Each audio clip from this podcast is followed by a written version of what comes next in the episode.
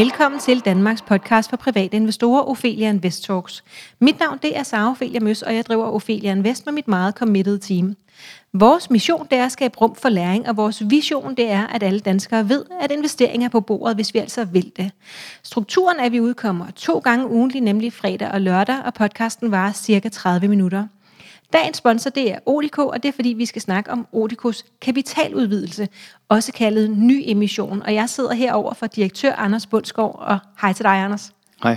Hej, og dejligt, du kunne komme. Jeg ved, at I holder til i Odense øhm, på Fyn, og, og det var lige ved, at vi var nødt til at optage det online.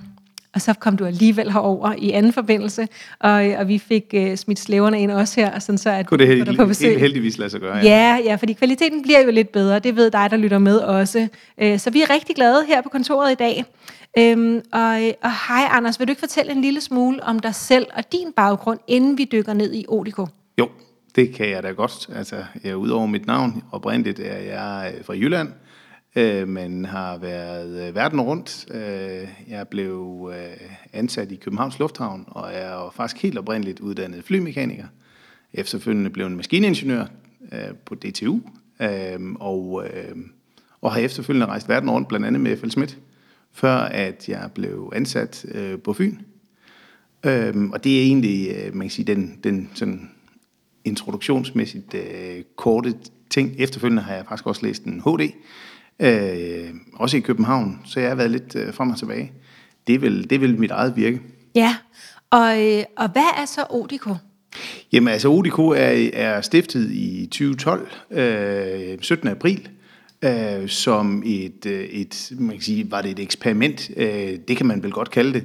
Det var et spørgsmål om, at jeg, da vi stiftede Odico, øh, var jeg ansat i ABB, øh, og øh, på et tidspunkt blev jeg ringet op af en, en ung, øh, håbefuld arkitekt, fra Arkitektskolen i Aarhus, som lidt kægt spørger, om han kan låne en industrirobot, og lidt lige så kægt siger jeg til ham, at det tror jeg godt, I kan. I kan sikkert ikke finde ud af at bruge den alligevel, så det kan jeg ikke se noget problem i. Så de fik en, en robot til Arkitektskolen i Aarhus, og tre uger senere stod jeg på Arkitektskolen i Aarhus og kunne se nogle arkitektstuderende, som havde fået brugt den her robot på en helt fantastisk måde til at, at skabe nogle, nogle øh, ganske, for mig i hvert fald, nye forme. Og jeg kunne jo blot øh, spørge dem, øh, hvorfor går I ikke ud og sælger det her koncept? For jeg kunne jo med det samme øjne her kunne sælge nogle robotter.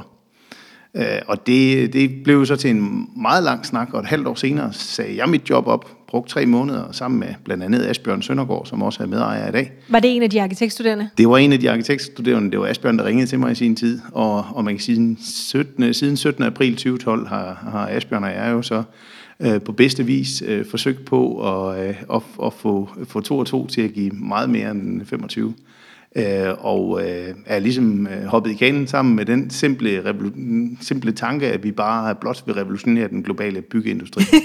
så man kan sige, øh, og det var, vel, det var vel lidt et eksperiment, at vi, vi startede i 2012, Øh, og det er bestemt alt andet end eksperiment i dag. I dag er det jo en, en, en grav alvorlig business, men med, det simple, øh, med den simple vision, stadigvæk blot og vil revolutionere den globale byggebranche. Så der er lidt at stå op til hver morgen. Det er godt, du lige sætter blot foran. Ja, Præcis. det er hyggeligt. Øhm, kan du give os et overblik over jeres, jeres vigtigste produkter? Nu har jeg siddet og arbejdet lidt på et, øh, et, et øh, meget spændende blogindlæg om jer, øh, som kommer ud på, øh, på bloggen også. Øhm, og, og det er jo nogle, øh, for det første nogle sjove navne, I har fundet på til dem. og der er jeg jo allerede fan. Jeg elsker, når det bliver lidt hyggeligt.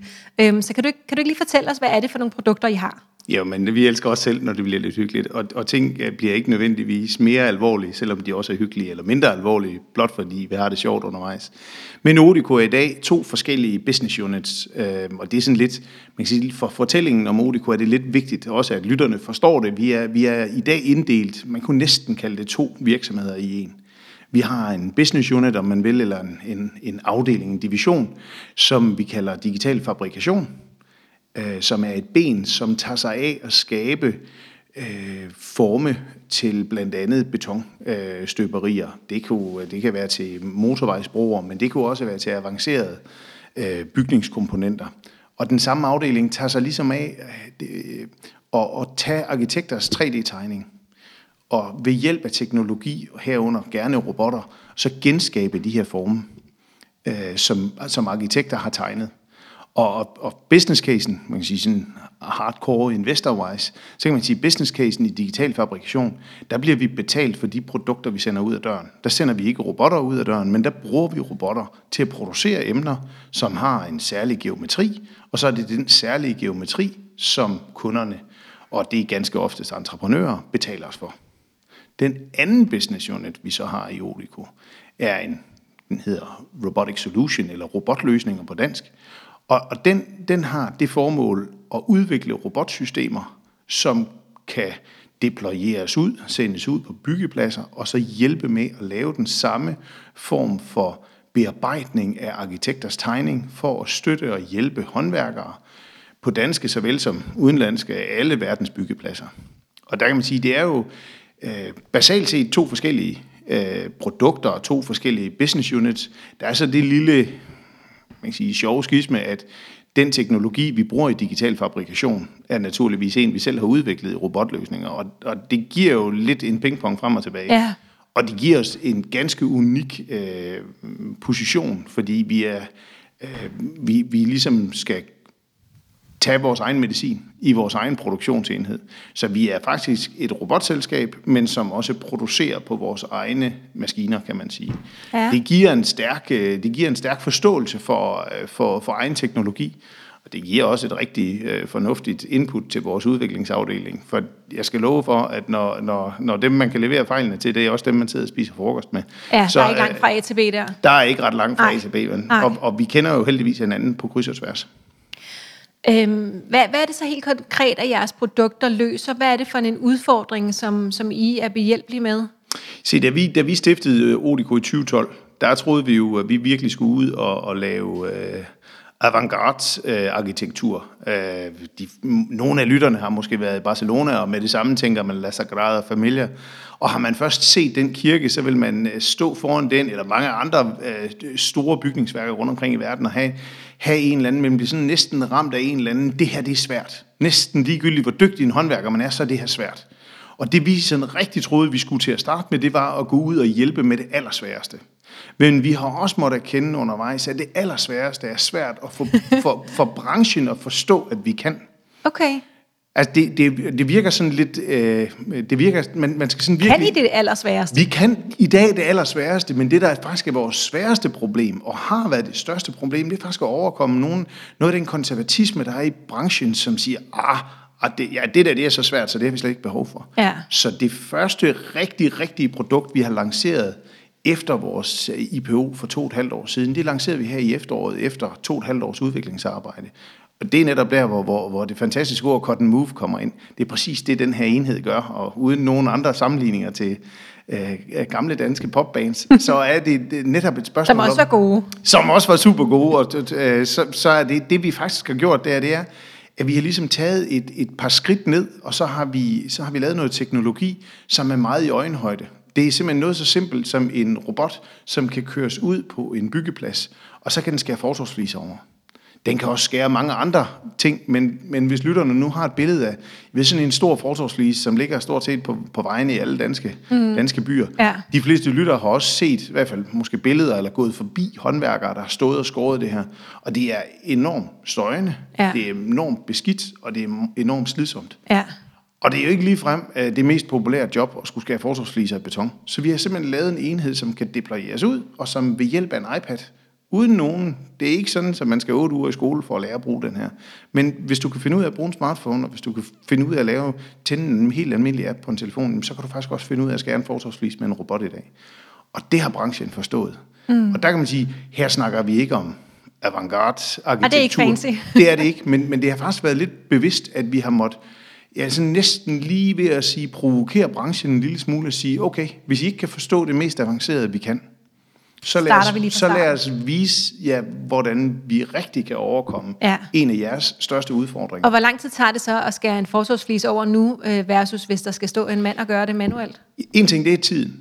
Vi skærer, vi skærer hurtigere, men den, den tidsmæssige besparelse, jeg vil ikke sige, den er sekundær, men den arbejdsmiljømæssige gevinst ja. i, at vi ikke har støv og støj stående, og at de, de mennesker, der går med det her, det er enormt præget. Altså de her fliser, de kan veje både 80 og 100 kilo. Hvis man har sådan en, en, en 8-10 cm betonflis, 60 x 80, jamen så kan du måske godt have, du kan godt have en håndværker, som måske bruger 3-4 minutter på at stå og skære, og det lyder for en, det lyder for en lytter ikke som 3-4 minutters besparelse, og det er jo ikke sådan, at robotten den ikke også bruger noget tid på det. Men håndværkerne er jo frigivet til noget andet. Mm. Og samtidig så er det her indkapslet i et miljø, så man ikke længere har støv og støj. Altså der er jo ikke nogen, der har været i nærheden af letbane, metrobyggeri og noget andet, eller helt almindelige byggepladser, som ikke har været udsat for det her. Og det behøver vi ikke.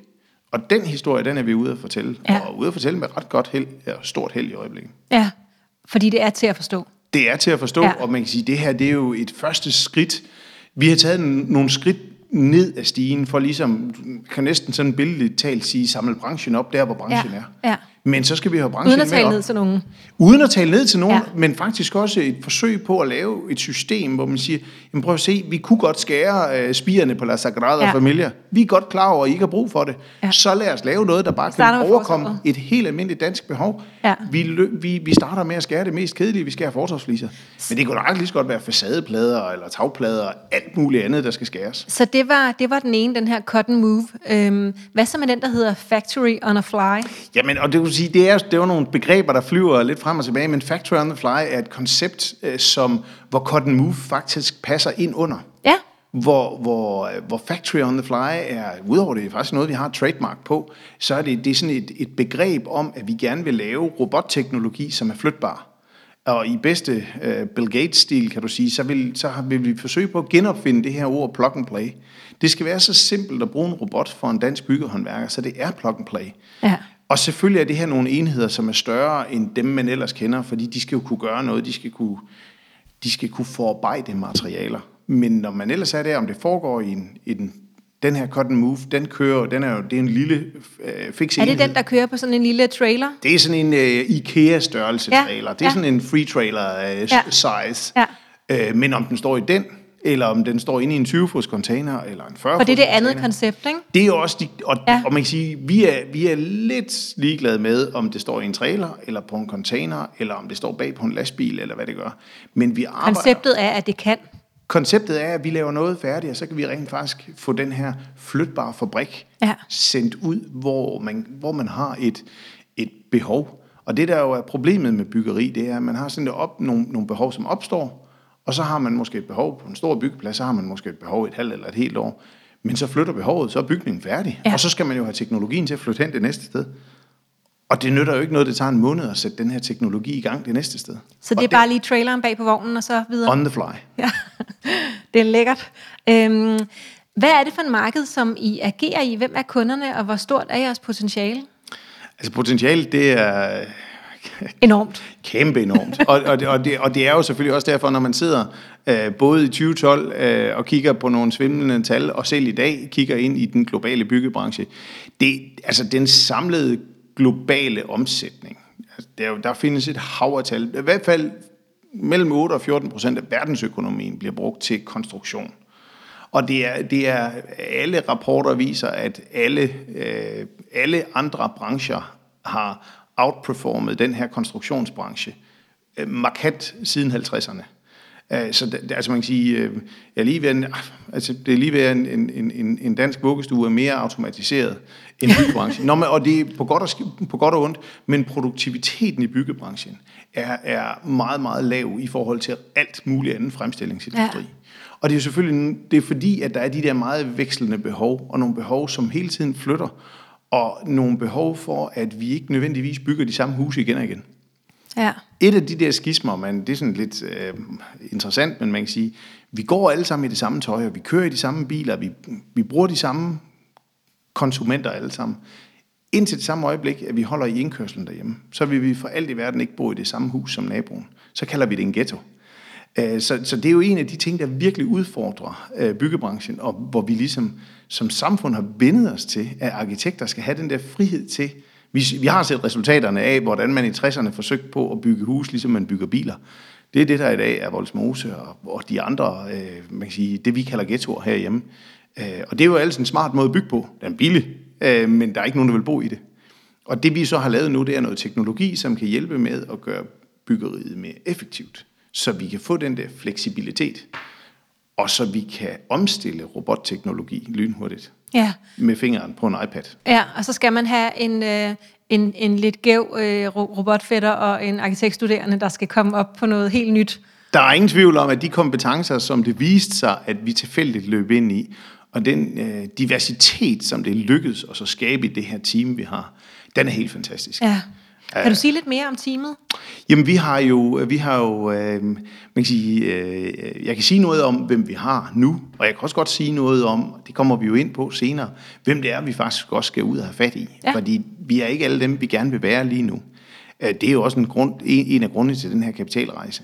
Men, men, øh, men vi har, øh, jamen, vi har ufaglærte, øh, såvel som øh, phd studerende Jeg tror, vi har tre PhD, erhvervs phd studerende Øh, og vi har, øh, vi har håndværkere, og vi har øh, økonomifolk, vi har øh, selvfølgelig ingeniører, og vi er en relativt tech-tung øh, virksomhed. Men, men det vi har forsøgt på, og det vi forsøger på til stadighed, det er at samle på noget diversitet, og så opererer vi med at forsøge på at skabe et, et, et klima, hvor, hvor det, er ikke, det er ikke et spørgsmål om titlen, øh, som gør, om man har den bedste idé. Vi, vi, skal have, vi har skabt, og vi, vi er en virksomhed, hvor der er plads til, at, at det er, nu lige vil sige, den bedste idé vinder. Øhm, fordi det er den eneste måde, at vi, vi hurtigt nok øh, kan, kan finde de der innovative løsninger, som ja. branchen sådan skriger på. Ja, det skal være agilt hele tiden. Fuldstændig. Ja. Altså, Hvor mange er I på teamet? Ja, men i Danmark er vi vel 26. Hvad er I uden for Danmark? Vi har et, øh, et, øh, et softwareudviklingsteam, som, og, og, øh, som sidder i Indien, og et par folk siddende i Rumænien, øh, hvor, det har, hvor det lykkedes os at finde nogle, nogle super skarpe hjerner, vi arbejder sammen med, og, altså, som er Odiko ansat også. Ja. Så man kan sige hele Så tiden. de bliver fløjet ind til julefrokosten? Ja, det, er, det gør de jo så desværre ikke, fordi nu er vi jo midt i en de pandemi, og, og Ja. de, er- de, er, de om nogen, øh, vores gode folk i Indien, de er faktisk også blevet nødt til at tage hjem, øh, og de, de lider måske endnu mere, end vi gør her Ja. i Danmark under Men det er vi frem til, at en del af teamet. Det er de, en Ja. ja. integreret, Ja. ja. vigtig del af teamet. Så en, øh, en, et, et par 30 stykker lige nu? Ja. Og hvor mange vil I så gerne være, øh, når I øh, lykkes Altså, med nu, den her øh, Sara, nu, skal, nu skal succes ikke måles i headcounts, men, Nej, nej, det, men det er jo en, en, af vores, en af vores helt store, øh, en af vores helt store milestones, og, og grunden til, at vi gør, hvad vi gør nu, det er, at de produkter, vi godt ville være færdige med, de er færdige. Og nu skal vi ud og have fat i den her, i den her, det her marked. Mm. Så det, det, det kan man også se. i-. Det er salgsmedarbejdere, Ja. det er marketing, og det er salg, vi kommer til at køre ekstra, ekstra hårdt på Ja. med. Hvilket jo ikke er usædvanligt. øh, Det er det ikke. Vi har, vi har haft, øh, vores salgschef har været med hos os de sidste to og et halvt år, øh, men man kan sige, der skal også være produkter at sælge. En ting det er at, bære en titel, men, men der skal ligesom også være noget, vi kan skubbe Så ud han over. sidder og tripper. Du kan tro, at han sidder og tripper. Det er som, han, er, han er mere end usædvanligt klar til at komme afsted. Ja. Øh, Nu, nu, nu fik du selv lige bragt øh, diversitet øh, på banen der. Må jeg spørge øh, ind, hvor mange kvinder I har? Jeg kan forestille mig, at det måske er et lidt maskulin felt. Nu siger du håndværker, Fire. ingeniør. Fire. I Danmark og tre i Indien. Okay. Så de tæller op af i Indien? Øh, Det er absolut, ja. absolut, og det er heller ikke, altså det, det er ikke, man kan sige, det er ikke, det er ikke noget, øh, ja, det, det er ikke noget, vi har, det er ikke, i min verden er det ikke vigtigt. Det er respekten for hinanden, der er vigtig. Ja. Øh, og så kan man sige, jamen der er øh, selvfølgelig god grund til at, øh, at forsøge på at blande. Det har aldrig været sådan, så det, har, det er ikke i min verden et kriterie, om man bliver valgt eller man ikke bliver valgt. Og det kan aldrig nogensinde være køn, som gør, om man er, man er, man er med eller man ikke er med. Nej, det er stadig den bedste idé, der vinder. Ja, altså fuldstændig. Og Ja. ja. der må vi så bare sige, der er desværre, og Færre det mener jeg, er desværre Ja. Færre øh, kvinder, der læser robotteknologi, eksempelvis i Odense. Mm. Så det gør så også, at dem, og der er desværre færre kvinder, der læser øh, me- mekanik øh, i Odense. Og den, mange af de studerende, der kommer hos os, det er jo nogle af dem, vi også nu, en gang imellem rekrutterer senere. Ja, når man får en studerende ind, og hvis det er, hvis det er en pige, vi har haft øh, øh, adskillige øh, flere kvindelige studerende også, som ja. har gjort det super, super fantastisk. Mm. Godt. Øh, så der er nogle stykker i hvert fald. det er vi bestemt. glade for at høre. Hvad har været vigtigt i jeres rejse frem til i dag? Ja, altså, Har man, der været sådan nogle øh, udslagsgivende tidspunkter, når du sådan kigger tilbage over de sidste 8-9 år? Nå, men der, der, er jo nogle, der er jo nogle tidspunkter, hvor man definerer sig selv, kan man sige. Og det var en, øh, det var en meget vigtig beslutning. Det var en meget, meget stor beslutning dengang, at vi, vi ligesom gik skridtet fra at være være den her startup til, at vi ville igennem, gennemføre den her IPO. Og, og på godt som en børsnotering. Som en, som ja. en børsnotering, og som gjorde jo, at, at, at, at man siger, på en eller anden måde skiftede ham. Øh, man, man ender med et, et, et, nogle omkostninger, det er der ingen tvivl om. Man ender med nogle omkostninger, man ikke har haft før, men man ender bestemt også med nogle muligheder, som man ikke har haft. Øh, men, men ellers så i det, det vigtigste i den rejse har været, at, at der er en kontinuitet, og der er en fortsat udvikling.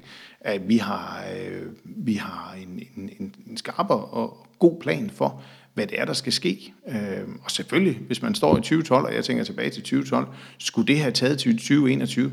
Ah, det skulle det måske ikke. Øh, jeg tror måske også, at jeg er ikke den første øh, iværksætter og pioner i denne verden, som, post, som, som, som havde håbet på, at ting var gået hurtigere, end, end, end de har været. Øh, men de kommer, og de kommer, det er jeg helt sikker på. Ja, og branchen står stadig derude og har brug for jer, det må være det vigtigste. Og man må så sige, pandemi eller ej, der står altså en branche, og de får mere og mere brug for de løsninger. Og, og de er, jeg vil sige, der er lys for enden af tunnelen. Der er bestemt også nogen, som, som begynder at kunne for, forstå fornuften i, hvad det er, vi kommer og siger. Nu sagde du selv lige øh, pandemi. Hvordan har øh, covid-19-pandemien øh, påvirket jer? Jamen altså, det er ikke, vi har jo, vi har jo man kan sige, kunne holde det spor, vi gerne vil, men, men der er heller ingen tvivl om, at, vi er, at man er udfordret i de samme, vi har nogle, nogle gode udviklingsprojekter, også på tværs af landegrænserne, de er udfordret. Vi har jo, ligesom alle andre, måtte finde øh, digitale veje, øh, også i vores sam, samarbejder, uh, og de kunder, vi gerne vil ud og have fat i, vi har nogle gode dialoger, både med, med europæisk, men vi har også haft samarbejdspartnere i USA, vi har øh, forspørgseler så langt væk fra, som, som fra Australien. Og det er ikke meget, vi kan, vi kan gøre ved dem lige nu. Det må vi erkende. Ja. Altså, vi så de bliver skrevet ned på en lang liste? Du kan tro, at der, de, bliver jo, de bliver jo selvfølgelig skrevet ned, og så bliver de behandlet. Det lykkedes os i efteråret at få en enkelt tur lige efter, at vi lancerede vores Cut Move. Vi fik en enkelt god tur op til Stockholm, hvor vi var på du kan, der, der kan man virkelig tale om roadshow, hvis man, hvis man kører rundt med en trailer selv og kan køre ind på en, stort set køre ind og, og, og lave det her stop, øh, jamen så kan, vi jo, så kan vi jo køre op. Øh, og vi havde det samme, hvor vi var en tur nede i den, i den nordlige del af Tyskland. Også med, med, med, med meget... På botten på anhængeren. Ja, fuldstændig. Og, og det, er jo, det er jo det, vi skal meget mere. Ja. Og det er jo der, hvor, hvor vi... Og det rykker virkelig, noget, ikke? Ja, der må man sige, det er jo det her, den her type teknologi, den kan lige så godt sælges i Kolding som i Køln. Der, ja. Det er der ingen tvivl om. Nej, og I fik uh, landet en ordre i december, var det på uh, en 10 millioner danske kroner? Ja, det er så øh, måske også ganske definerende, kan man sige, for vores digitale fabrikation, at, at vi landede den, den største, hidtil største enkeltordre øh, lige før jul. øh, på trods af, af, af pandemien og det her, så kan man sige, så vi kigger ind i den største pipeline og den, den største sådan ligesom ordrebeholdning, vi har haft til dato. Øh, så, så øh, som man siger i Jylland, helt skidt er det vel ikke? Det er første gang, jeg har hørt dig øh, sætte dit øh, lys bare en lille smule under en det Nej, men altså... men det, hvis man skal være en succesfuld iværksætter øh, i Danmark, så tænker jeg, at man skal være meget ambitiøs og også være åben omkring det. Øh, ellers så støder vi jo øh, hovedet mod øh, janteloven hele tiden. Jeg tror også, vi behøver, vi behøver også en stor grad realisme og måske endnu mere ydmyghed. Og jeg, jeg tror, at tingene bliver nødt til at gå lidt hånd i hånd. Jeg ved ikke om, om nogen, det, det, må, det må der være andre, der skal dømme os for, om, om vi mestrer alle fire discipliner. Men, men jeg synes faktisk, vi har formået øh, at, at, at finde et, et godt ståsted. I er en del af robotklyngen over i Odense. Øh, hvordan går det med den? Jamen altså, det går jo rent faktisk så godt, så, så det er jo øh, ligesom lykkedes at få løftet den her robotklynge op, så det er blevet en del af en national strategi. Og, øh, og, og det er jo øh, det er slet ikke... En national strategi for hvad? Ja, for, for udbredelsen af robotteknologi, udviklingen af robotteknologi. Så, så det, der hedder Odense Robotics i dag, er en paraplyorganisation, som rent faktisk spreder, hele, spreder sig ud over hele Danmark. Og det er jo netop fordi, der har været nogle dygtige mennesker, som har formået at, du kan sige, få blæst meget varm luft i ballonen, sådan så den ballon er kommet så højt op, så man også har kunnet... Og der var nogen, der så den? Så der rent faktisk var nogen, der så den, ja. ja. Så der var rent faktisk nogen øh, andre steder, både på det europæiske kontinent, men også andre steder, som har kunne kigge på det her. Og så pynter det jo slet, slet meget på sådan en historie, at man rent faktisk også har fået sat nogle flagskibe i søen, som har formået at ligesom få en, en, et eget liv, og, og, og, og er blevet exitet rigtig flot. Ja, Øhm, kan du sætte lidt ord på jeres grafkurve? Nu er det to og et halvt år siden, at I blev børsnoteret. Øh, og dengang fik I relativt meget opmærksomhed. Der var jeg jo også en del af feltet. Øh, og ingen kunne få armene ned over, at der var nu robotter på børsen. Øh, så, øh, så hvad der sket siden da? Jamen ja, altså jeg synes umiddelbart, øh, hvis man kigger på det, øh, jeg, jeg synes vi har, vi har gjort det rigtig godt. Mm. Øh, vi har ikke på noget tidspunkt haft en kurs, øh, hvis man sådan er meget investorfokuseret, så kan man sige, det er jo ikke noget, vi sidder og kigger på hver dag. Men, men man kan sige, hvis jeg kigger historisk, så har der været det, jeg vil kalde en fornuftig udvikling. Og, og vi har jo på blandt andet, øh, et fint nedslagspunkt er, at vi har på intet tidspunkt været under vores udbudskurs. Okay. Øh, og, og det synes vi jo et eller andet sted. Det er jo ikke a given, altså det er ikke... Det er, jeg ikke tror at måske nok, at der var, der var mange, der godt kunne have haft tænkt sig, at de kunne sidde og sige det efter to Ja, år. ja. Og jeg synes, øh, vi har forsøgt på, øh, nu også i det her udbud, vi kommer med her, vi har jo rent faktisk øh, tænkt længe over, hvad vi skulle gøre, og, og hvordan vi ligesom skulle give den her mulighed, vi nu har fået i de her færdigudviklede produkter, vi godt vil ligesom accelerere vores, vores salg og marketing på. Og der er, der er jo mange måder for sådan en virksomhed som vores at skaffe kapital, men en, en, af, en af vigtighederne i det, det er jo, det var netop at, at prøve at, at respektere de, de øh, investorer, der har været med fra starten af. Ja, godt. Øhm, per Hansen han udtalte i 2019, og Per Hansen det er øh, Nordnets, øhm, hvad skal vi kalde ham, øh, økonom, som er øh, måske den mest citerede øh, erhvervsøkonom i, øh, i Danmark, eller finansøkonom, jeg kan ikke huske, hvilken en af delene det er. Han sagde tilbage i 18, at jeres svingende kurs øh, skyldtes manglende cornerstone-investorer, som altså er de her store investorer. Øh, er det stadig tilfældet, at der ikke er nogen store investorer hos jer? Ja, nu skal jeg jo passe på, hvad jeg siger, men, Du må sige lige, hvad du vil. og det står jo, det står jo lidt på Per Hansens egen... Øh, Fuldstændig. Men, men øh, jeg, jeg tror, hvis man kigger ind på... Øh, man, det bliver lynhurtigt sådan en diskussion om ord, fordi hvad er så en cornerstone? Og det Per Hansen dengang ledte efter, det var jo sådan en stor in- institutionel investor, som kunne komme ind virkelig med noget bund og noget dybt. Ja. Og, og mig bekendt, det er jo ganske, ganske få af de, øh, de øh, virksomheder, der er på First North i dag, der har det. Det er rigtigt, der er nogen, der har en stor privat investor, som måske har en portefølje på 10 millioner og kan lægge noget bund, men det er jo ikke dem, der rigtig giver. Man kan sige, det udbud, vi er kommet med nu, og en af dem, der har, hvor det er lykkedes os at få en, en, en, en ganske flot fortegning. Det er fundamental invest. Det er netop fundamental Ja, invest. præcis, ja. Og man kan sige, her, kan- her er det svært at få hænderne ned. Fordi Ja, ja. her, her, er der, her, er der, altså, så her er det ikke kun os, som øjner noget, noget skarpt lys for enden af Og tunnelen. lad mig lige, øh, hvis der er nogen, der sidder og lytter med, og ikke ved, hvorfor at øh, vi bliver begejstrede øh, her, øh, så er det Michael øh, Foss, der øh, i øh, flere år i træk faktisk blev øh, kåret som verdens bedste porteføljemanager, øh, som, øh, som har den danske investeringsforening, der hedder Fundamental Invest, hvor han har to øh, fonde, der hedder, øh, øh, jeg tror, den hedder Fundamental Invest Stock Pick 1 og 2. Det er meget, det er meget uinspirerende navn, men han er rigtig dygtig, og er også blevet fotograferet til børsen med en kat liggende på skrivebordet, så der var jeg jo også fan. Øhm, så, så Michael øh, Foss ude fra Fundamental Invest, han ved noget. Det, det er jo, det er jo øh, uden... Øh, det må han gøre, det tænker jeg. Når, han når, når han bliver kåret som den bedste i verden Præcis. øh, flere gange i træk. og det, Ja. ja. lad os bare sige det sådan på godt jysk, det gør ikke noget, han er kommet med. Nej, det gør det slet ikke. Så tillykke med øh, i hvert fald øh, en øh, cornerstone investor der. Det jeg egentlig tænkte på, det var, øh, jeg kunne også have omformuleret det og spurgt, har I savnet øh, at have store investorer, eller har I været glade for at have mange små? Fordi det må så være tilfældet, at I har mange private investorer. Vi havde, øh, jeg, jeg kan ikke huske det præcise tal, det var små 3.000 Ja. øh, aktionærer, da vi, kom, da vi fik gennemført den her børsnotering. Og, og nu fik jeg lige tallene på vej herover, og i dag er der øh, 2800, og jeg tror det er 2853 Ja. navnenoterede aktionærer Ja. i Odico, og så har vi jo noget, nogle, nogle øh, aktier, som ikke er noteret. Det flotte i det, synes jeg, det er rent faktisk, at vi har holdt fast i det her øh, med at have mange små øh, aktionærer med, Ja. og vi, vil, vi, vi gør rigtig meget, og vi respekterer øh, netop de små øh, investorer. Og det er præcis også øh, derfor, at vi har været ude og sige, at den fortegningsemission skulle man rigtig gerne respektere de her, øh, som har været med hele vejen, og som har støttet os. Og altså, hvis man har købt Odico-aktier fra starten af, så er det en god forretning af Odico-aktier. Ja, og det skulle gerne blive endnu bedre i fremtiden. Det skulle det gerne. Og, og det, det bringer os øh, videre til det næste, eller har to spørgsmål her. Øhm, hvilken tidshorisont skal man have som investor, hvis man investerer i jer? Hvornår er det, at, øh, hvornår forventer du, at det store gennembrud kommer? Og hvis vi så lige i baghovedet husker, at, at man måske godt kan være lidt tidsoptimist, når man er iværksætter. Altså nu, der er jo, der er jo øh, vi, har, vi har de der 3.000, omkring 3.000 aktionærer, og, og man kan komme med kort, man kan komme med langt. Øh, det er jo helt op til folk selv. Øh, det, det er jo et, øh, et vanskeligt spørgsmål. Jeg tænker ikke, historisk har man ikke, øh, altså øh, man er velkommen, og jeg tænker, om ikke andet, øh, så kan man komme med på et frimærke, som, øh, som, som, som branchen ligesom taler om. Ja, okay. Øhm, hvorfor er det en god øh, idé at investere i jeres selskab? Ja, men det er jo, men, men det, det, det, ja, det, hvis man har hørt med de sidste 25 minutter, så giver Så det næsten sig, klogere, sig, ja. sig selv. Og her kommer jeg jo ikke at påstå, at La Sagrada Familia skal være landsbykirker i hele Jylland.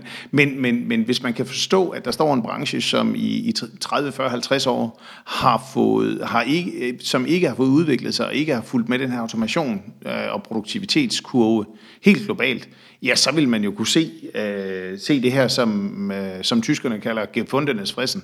Det er, det er vejen frem, hvis vi skal kunne efterkomme den, den efterspørgsel, der er i byggeriet. Øh, og så kan man sige, øh, på toppen af det, den her teknologi, den åbner op for nogle nye materialekombinationer, og den åbner op for en bæredygtig dagsorden, hvor vi faktisk også er i stand til, ved at bruge digitale værktøjer, at spare en masse af de byggematerialer, vi rent faktisk går og forbruger så vi kan, vi kan bygge mere intelligent, vi kan bygge, bygge mere interessant, og vi kan bygge mere bæredygtigt. Ja, og det var godt, du lige øh, sluttede på den bæredygtige vinkel der, fordi nu har vi ikke snakket så meget om det, men jeg bemærkede, at der var seks små øh, FN's verdensmål øh, inde på jeres hjemmeside. Øh, så der, der tænker jeg i hvert fald, at I gør noget for at være mere bæredygtige, udnytte jordens ressourcer bedst muligt, tror jeg, jeg læst. Vi er meget, vi er meget bevidste om, ligesom at få, få, få, få tunet teknologien, sådan, sådan rent faktisk også bare gør, at det er et bedre sted, vi bor alle sammen. Ja, godt. Øh. Hvis, hvis man vil følge med i jeres øh, vej, er det så inde på jeres øh, hjemmeside, eller er I aktive på, på nogle sociale medier også? Den bedste måde at følge med, det er at købe en aktie. Man behøver ikke købe ret mange, bare et par stykker. Så er man helt sikker på, at man får alle nyhederne. Men altså, man er vores hjemmeside, og vi, er, øh, vi forsøger på at være så aktive, vi kan jo på de sociale medier. Ja. Men jeg vil tænke, altså øh, 500 kroner aktier, så er, man, øh, så er man jo helt sikker på, at man får investornyheder. Og Ja, er der et nyhedsbrev. øh, også? Det er der fra, ja. vores, øh, fra vores side også, og vi er jo, vi er jo øh, vi er meget åbne omkring generalforsamlinger og, og inviterer. Man får vel ikke jeres nyhedsbrev automatisk, bare fordi man køber nogle aktier på nogle Det gør man, det gør man desværre ikke. Nej, man skal lige ind på hjemmesiden og Man skal lige ind, til og man kan også godt tillade sig at gå ind og hente vores investorbrev, selvom man ikke investerer, ja. om man blot gerne vil følge med. Tusind tak, fordi du ville være med, Anders. Det var en stor fornøjelse. Hvis øh, dig derhjemme, hvis du har lyst til at følge med i Ophelia Invest, så kan du gøre det på Facebook, Instagram, YouTube og LinkedIn. Øh, og vi gør os særlig øh, umage med at være aktiv på de sociale medier, og det ved du nok i forvejen. Øh, du kan lære at investere på vores bootcamps, hvor vi underviser live, og vi har en om aktieanalyse coming up her i slutningen af marts. Vi har også online-kurser, medlemsklub osv. Alt sammen inde på opheliainvestor.dk. Hvis du bare gerne vil snakke med nogle andre om investering, så har vi fire aktiegrupper på Facebook. Der er Aktieklubben Danmark, Kvindelogen, Bæredygtige Aktier og Børsnoteringer og Små Aktier. Øh, og der sidder til sammen omkring 30.000 danskere og sparer der. Denne her episode var sponsoreret af Odiko, og så er der bare tilbage at sige tusind tak, fordi du lyttede med.